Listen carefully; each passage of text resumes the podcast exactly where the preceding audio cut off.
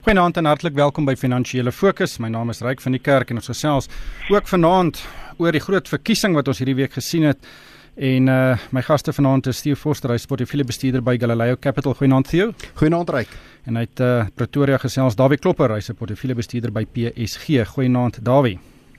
Goeienaand Ryk en Theo. So kom ons begin by die verkiesing. Kommentaar het nou 'n taamlike goeie uh, politieke ontleding gegee, maar kom ons sit ons ekonomie hoed op. Ehm um, daar's voor die verkiesing baie bespiegel oor wat na die verkiesing gaan gebeur, wat se mandaat die president gaan hê om veranderings uh, aan te bring uh, en ongewilde besluite te neem. Daar was 'n persepsie of 'n siening dat hy nie voor die verkiesing die mandaat gehad het om dit te doen nie. Dink jy 57% steun gee vir hom die mandaat om 'n paar ongewilde besluite te neem? Dawie, ehm um kom ek sê vir jou so, ek hoop so, want as 'n mens gaan kyk, hy het er 'n paar keer as jy teruggaan toe hy aanvanklik die kabinet aangestel het, sy die kabinet wat nou dien, verlede jaar het hy gesê dis 'n interim kabinet. In sy staatsrede het hy gepraat van sy administrasie neem eers oor na die verkiesing.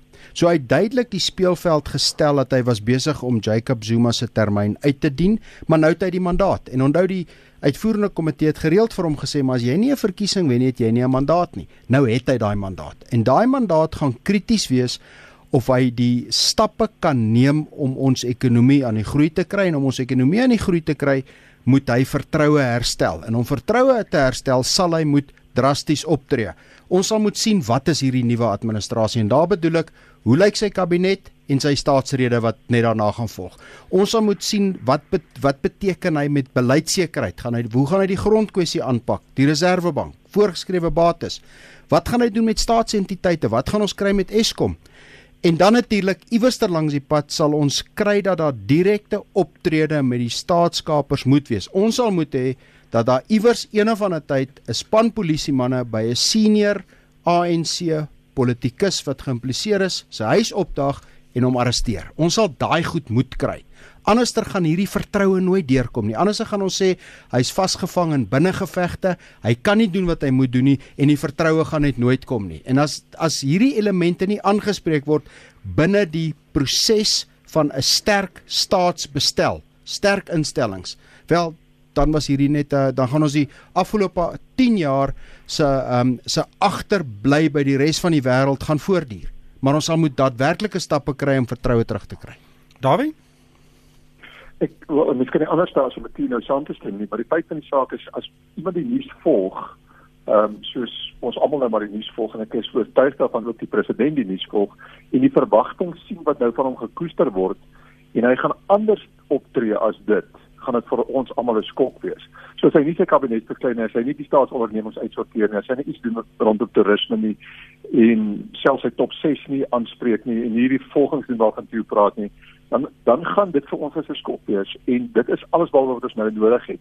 Hierdie ding van vertroue is noodsaaklik om die ekonomiese groei aan die gang te kry, om die rand sterk te hou, om en deur die sterk rand kan ons uiteindelik vind dat ons dalk laer rentekoerse kan kry en dit kan die sneller wees om die mark aan die gang te sit en om die ekonomie aan die gang te sit om motorverkope te laat styg om konstruksie weer aan die gang te kry en ons korte ekonomie wat groei teen meer as 4% om eenvoudig die grootste probleem in hierdie land naamlik werkloosheid aan te spreek. Ja, ons kort vertroue. Ek dink op die oomblik is vertrouensvlakke op die laagste wat dit nog ooit was, eh, wel ten minste sedert 1994. Ons praat nie net van verbruikersvertroue nie, maar ook van beleggersvertroue um en en sakevertroue. Ons het entrepreneurs wat moet uh nuwe takke oopmaak, nuwe besighede oopmaak. Maar Theo, een van die eerste dinge wat die president kan doen en gaan doen is om 'n nuwe kabinet aan te stel. Nou daar's lyste wat die rond te doen met uh heelwat minder name op as wat daar tans um, in uh sy kabinet is. Uh, daar word verwag hy gaan uh, die lang skêr in lê en en die kabinet baie baie sny. Um, sommige mense vermoed tot, tot net 25 ministers en en heelwat minder adjunkministers.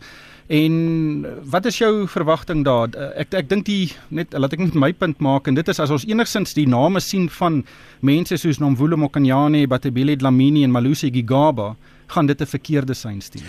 Ryk die die die probleem waarmee die president sit.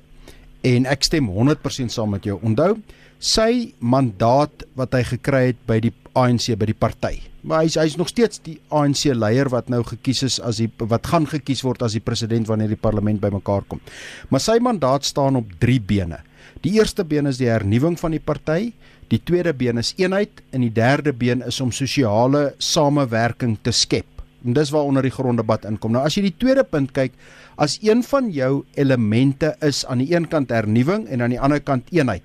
Onthou eenheid is is is 'n lekker meganisme waarby rampokkers kan wegkruip as jy praat van eenheid. So dis 'n wegkruipplek as die mandaat eenheid is. En hy sal moet wys dat hy dit reg kry om hierdie eenheid mandaat deur te voer steeds te hou by die integriteit van wat hy wil doen. Dit beteken hy sal moet elemente in hê van die vroue liga. Hy sal moet elemente in hê van die jeugliga, maar hy sal moet baie versigtig kies wie hy in dit. En dis hoekom hierdie lys wat die rond te doen het 'n paar baie interessante name. In eerstens, dit het geen van daai name in waarvan jy nou gepraat het nie. Maar wat dit wel het is elemente soos 'n adjunkt president um, in Nkosazana Dlamini Zuma. Wat sal dit doen? Dit sal die vroue liga tot 'n baie groot mate um uit die prentjie uithaal in terme van la, van Batlamili Dlamini. Want nou het jy 'n vorige leier van die Vroue Liga inteeneel jy die presidentskandidaat van die Vroue Liga nommer 2 dit sal die samewerking bring tussen KwaZulu-Natal wat uitgelaat is uit die top 6 as jy verder gaan kyk na van daai mense op daai lys is daar ernstige uh, uh die, die jong Lamola wat by die jeugliga was. Ek meen ek onthou dat hy gestaan het vroeg in die Zuma era met 'n plakkaat by St George's Hotel en gesê Zuma moet bedank voor iemand anders dit gesê het. So dis die tipe mense wat jy sal moet sien. Of ons dit gaan sien gaan afhang van hoe sterk hy is. So die kabinet aan die een kant, maar aan die ander kant ook die staatsrede net daarna. En daai die goed, goed gaan saamval. My opinie is dat hy wel die kabinet sal moet verklein, anders gaan die vertroue wegval en ek dink Dawie sal met jou saamstem. Die oomblik wat hy nie die regte mense aanstel nie, gaan hierdie vertroue waarvan ons nou praat, kan baie baie vinnig net weghardloop. Ja, kyk die uh die die Zuma kabinet was een van die grootstes in die wêreld. Daar was meer as 70 mense in daai kabinet. Dis eintlik meer 'n kabinetskonferensie as 'n kabinetsvergadering. Wat, wat vrees aanjaend was op die ANC se verkiesingslys nou. Die Zuma kabinet van 2014 was seker die toppunt van die kabinet voor hy nou bietjie vasgevat is. 25 van daai ministers is in die top 100 op die ANC se lys. So dis nie dat daai mense verdwyn het nie. Die kern van daai kabinet is nog steeds senior mense op die ANC se verkiesingslys. Dawie, daar's een naam langs die uh, portefeulje uh, minister van finansies en die naam wat daar genoem word is Barbara Krisi. Ehm um, nou sy is 'n uh, 'n langsdienende lid van die ANC. Sy sal in die um, uitvoerende bestuur van die ANC in Gauteng vir 'n hele klompie jare en sy het al sport, onderwys en ook die finansiële portefeuilles bestuur. Ehm um, daar is baie groot agting vir haar. Uh, wat dink jy as uh, as haar naam nog geroep word uh, as die kabinet aangekondig word? Ja, dit is interessant om te sien dat Pieter Mboweni nou nie daar bly ek nie daar gaan wees nie en dat sy dan die name wat genoem is en genoem word. Ek dink soos jy reg nou gesê het, sy is al 'n gesiene lid en 'n lang langsdienende lid of 'n lang langdienende lid van die ANC in hierdie provinsie Gauteng. En ek dink sy het redelike goeie werk gedoen waar sy betrokke was in haar portefeuilles. Dis die indruk wat mense gekry het oral nooit wat klagtes oor haar nie. En ek dink sy sou as 'n bestuurder van die finansie departement goeie werk kan doen en uiteindelik die nodige dissiplines aan die dag kan lê wat nodig is om soos in die tyd van Trevor Manuel weer die staatsfinansies onder beheer te bring, die uitgawes onder beheer te bring en die tekorte wat kan ontstaan ehm um, te bestuur. So om mens sal graag presies wil weet hoe sal ekonomiese denke, sosialisme versus kapitalisme daai klas van goed ehm um, waar dat sy nie met met salarisse en met mense aanstel die die ekonomie wil stimuleer nie, maar dat sy die regte goed kan doen en dat sy die ekonomie verstaan, genoegsaam verstaan om die ekonomie op die regte punt op pad te plaas om sodoende dan die vertroue verder te bou. Ja, ek ek dink 'n mens moet ook in gedagte hou dat as 'n mens as die persberigte reg is, ehm um, was na meneer Nene se besluit om te bedank was Tito Mboweni uh die president se derde keuse. Die ander twee het nee gesê om verskeie redes. En Tito Mboweni het al 'n paar keer gesê dat die die funksie om om om minister van finansies te wees ontneem hom van sy vryheid. Ek weet nie of hy regtig lus is om dit te doen nie. Dis aan die een kant. Aan die ander kant waar ek waar dit vir my bietjie negatief gaan wees is Suid-Afrika het floreer wanneer ons minister van finansies soos Monaas moontlik aan 'n eerste minister is. Dit wil sê iemand wat besondere gravitas het in die kabinet en dit het jy gehad met Trevor Manuel in die in die Thabo Mbeki kabinet. Jy het dit nooit daarna gehad nie. Um dood eenvoudig uh, het jy dit beginne sien met Tito Mboweni ek is nie so seker of Baba Kri of Barbara Krisi die gravitas het om werklik um, vir ander ministers te sê julle kan dit nie doen of julle kan dit doen of ek het nie geld nie of julle kan nie vir my daai goeders doen nie. En dit is my ek hoop sy die gravitas ek is nie so seker of sy dit het nie. Ja ek uh, ek het al met haar te doen gehad. Ek dink sy's baie knap en ek dink sy sal uh groot skoene kan vol staan. Maar Tito Mboweni is nie gewild binne die ANC nie. Hy's verseker nie gewild binne die kabinet nie en hy het ook al op verskeie platforms gesê dat uh dit is 'n tydelike uh, hy sien dit as 'n tydelike posisie en en ek dink dit is glad nie 'n verrassing dat sy naam nie op die lys is nie. Maar ehm um, kom ons gesels oor Dawie, kom ons gesels oor Steinhoff. Nou Steinhoff het Dinsdag sy hersiene finansiële resultate vir sy 2017 en 2016 boekjare aangekondig. En dit was natuurlik uh, die resultate wat sy ouditeure Deloitte nie in Desember 2017 wou afteken nie en dit het daai hele sneeubal aan die rol gesit wat uh, onder meer tot Marcus Jooste se bedanking en die hele inploffing van die aandeleprys prys gelê het. Ehm um, en nou 18 maande later het Stein het, het Deloitte nou die state geteken sonder 'n auditmening maar is nie gekwalifiseer nie uh, en die prentjie is droewig. Die groep se bates is met 250 miljard rand verminder en die totale skuld is die skuld is 140 miljard rand. Uh en die groep sê ook as hy nie hulp kry nie, kan hy nie vir die volgende afsienbare tyd as 'n lopende onderneming uh, voortbestaan nie. Dawie, wat het jy gemaak van hierdie resultate? Ja, dit was skokkend. Ehm um, die bedryfsverlies was in omgewing van 60 miljard rand. Dis 'n enorme syfer. Natuurlik was daar 'n klomp afskrywings in. Maar nogtans, dit is nie wat mens sou verwag het op daardie stadium van die ekonomie, die wêreldekonomie nie, dit goed dit in Europa gegaan het nie ensovoorts nie. Ehm um, so dit is ehm um, ons het ons het skrikwekkende syfers verwag en hier kom dit nou. En dan is die groot vraag nou, jy weet jy nou genoem die totale skuld is 140 miljard rand. Die vraag is wat is hulle bates werd op hierdie stadium? Hoe lyk die maatskappy se kontantvloei en kan hulle hierdie skuld diens? Um, en te, om te bepaal of dit dan nou uiteindelik 'n lopende saak kan wees. Ek het al 'n geruime tyd gesê ons het 'n paar keer hieroor gepraat in hierdie program. Ek kan nie sien dat staan of amper in sy huidige formaat kan voortbestaan nie. Ek dink ek net om perspektief te sit. Vandag 2 jaar gelede was Steinhoff 'n 300 miljard rand maatskappy, die aandeleprys was R70. Vandag is Steinhoff 'n 6 miljard rand maatskappy met 'n aandeleprys en miskien moet 'n mens eerder na euro sente verwys, 9 euro sent is waarteen die maatskappy verhandel. Wat net vir my skokkend is en ek en ek en ek en ek weet nie of dit presies uh, so uitspeel nie, maar wat vir my skokkend is is dat as jy deur hierdie transaksies lees en as jy kyk tot watter mate aandeelhouers kapitaal amper gekaap is vir persoonlike transaksies, vir transaksies waar daar verhoudings tussen mense was, waar goed opgeblaas is en waar goed goed nie reg geboekstaaf is nie. Dan wonder 'n mens, ehm um, was hierdie nie vir 'n periode van tyd amper net 'n baie mooi 'n boks met 'n stryk om, maar binne-in was daar niks nie. Die waarde was nie daar nie. En dan dan begin jy dink mense wat met hulle transaksies gedoen het, mense wat belê het, het hulle in 'n tipe van 'n karkas met 'n stryk op belê. Of wat was daar? Was daai ding nie uitgehol voorheen nie? Maar presies, want my ek het met uh, eh, Dr. Christo Wiese gepraat Dinsdag en uh dit is baie baie duidelik dat daar ongelooflike ongeruimthede was. Daar was honderde ouditeure wat vir 18 maande gewerk het om hierdie maatskappy se resultate te ouditeer om te probeer agter die kap van die byl kom en hier kom Deloitte uit sonder 'n auditmening En ja. en dit beteken hulle sê hulle weet nie eintlik regtig of hierdie resultate sê wat dit moet sê nie. Hulle weet nie of dit akkuraat is of nie. Ehm um, hoewel hulle dit nie kwalifiseer nie. Nou nou sit jy met die slimste mense in die wêreld sê jy wat uh die audit moet doen en hulle kan na 18 maande nie agterkom wat wat het hier aangegaan nie. Nou wys almal vinger na die direksie wat sê luister, julle moes geweet het wat daar aangaan. En Dr. Christo Wiese is een van hulle wat sê luister as hierdie slim mense nie eers weet wat daar aangegaan het nie, hoe kan julle verwag ons moes geweet het wat daar aangaan?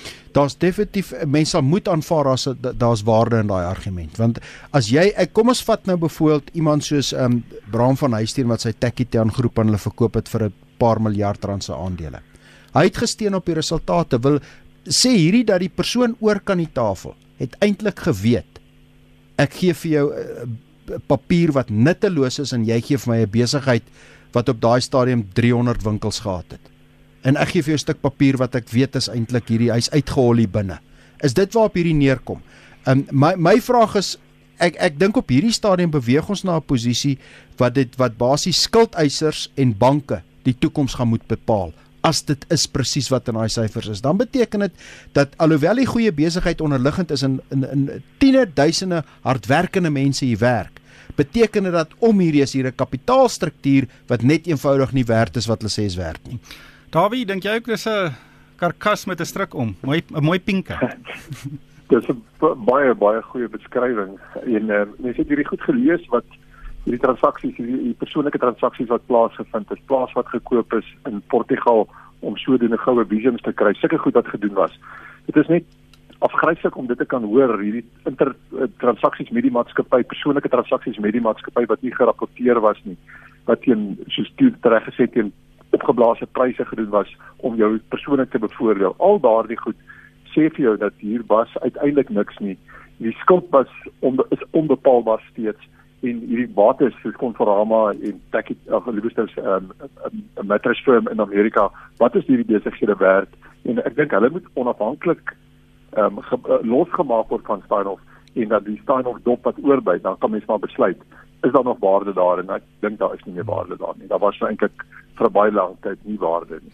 Sien net laastens ons het 2 minute oor uh uh ons het 'n handelsoorlog gesien wat ook hierdie week losgebars het tussen Amerika en China. Dit het uh, ontleikende geldeenhede inkluis die rand regtig pak slaag gegee. Ons beurs het geval en meeste markte reg oor die wêreld het geval. Wat is jou gedagtes uh, oor wat hier gebeur en wat die impak in die toekoms kan wees? Ek dink hierdie impak gaan nog 'n rukkie vat. Ek dink die Federale Reserve en Princeton Universiteit het onlangs 'n studie gedoen. Die Amerikaanse verbruiker op hierdie stadium is die grootste verloorder. Daai fooie beteken dat Amerikaanse produkte se pryse gaan op en nommer 2 die landbouuitvoerders in Amerika kry baie swaar en ek dink dit gaan beide kante toe ongelukkig dink ek dat hoewel die beginsels waarop hierdie gebaseer was kwaliteit beginsels is is die ding besig om van die spoor af te val en 'n mens sal hom moet terugkry. Dawie Ja, ek dink uh, Q is reg sê die invoere na die FSA toe gaan nou duurder kos. Hulle gaan nie vinnig genoeg invoer vervanging in 'n plek kan kry nie. Hulle gaan nie vinnig genoeg ander markte kan oopmaak nie so die pryse in die FSA moet styg. En die mate wat China gaan probeer om hierdie um, tariewe te absorbeer, gaan dit deflasie in China tot gevolg hê. So dit oor en oral oor um, is hierdie nie goed nie en gaan dit lei tot 'n kleiner ekonomie, gaan dit erns lei tot deflasie in China en in Amerika kan dit lei tot rentekoersstygings en die markte gaan nie daarvan hou nie. En daarom is die markte al reeds besig om negatief hierop te reageer. Daar's nog steeds hier onsekerheid hoe diep gaan dit gaan, hoe lank gaan dit aanhou? Mens moet ook onthou hierdie tariewe is ook daar's ook in Europa elemente van hierdie tariewe wat ingestel is. So die impak is wyd. Ja. En ek dink nie dis die regte ding vir die wêreldekonomie nie. Ja. Sien, hoe seer gaan dit ons maak? Ons is 'n klein oop ekonomie. Ons gaan ongelukkig hierdeur getref word. Ja, ons sal maar sien hoe dit uitspeel, maar daar's nog net nog 'n wind wat teen ons waai. Maar ongelukkig het die tyd ons ingehaal. Baie dankie aan Theo Forster. Hy is 'n portefeuljebestuurder by Galileo Capital en ook Dawie Klopper, hy's 'n portefeuljebestuurder by PSG in Pretoria. En van en van myself ryk van die kerk. Dankie vir die saamluister en ek hoop almal het 'n winsgewende week.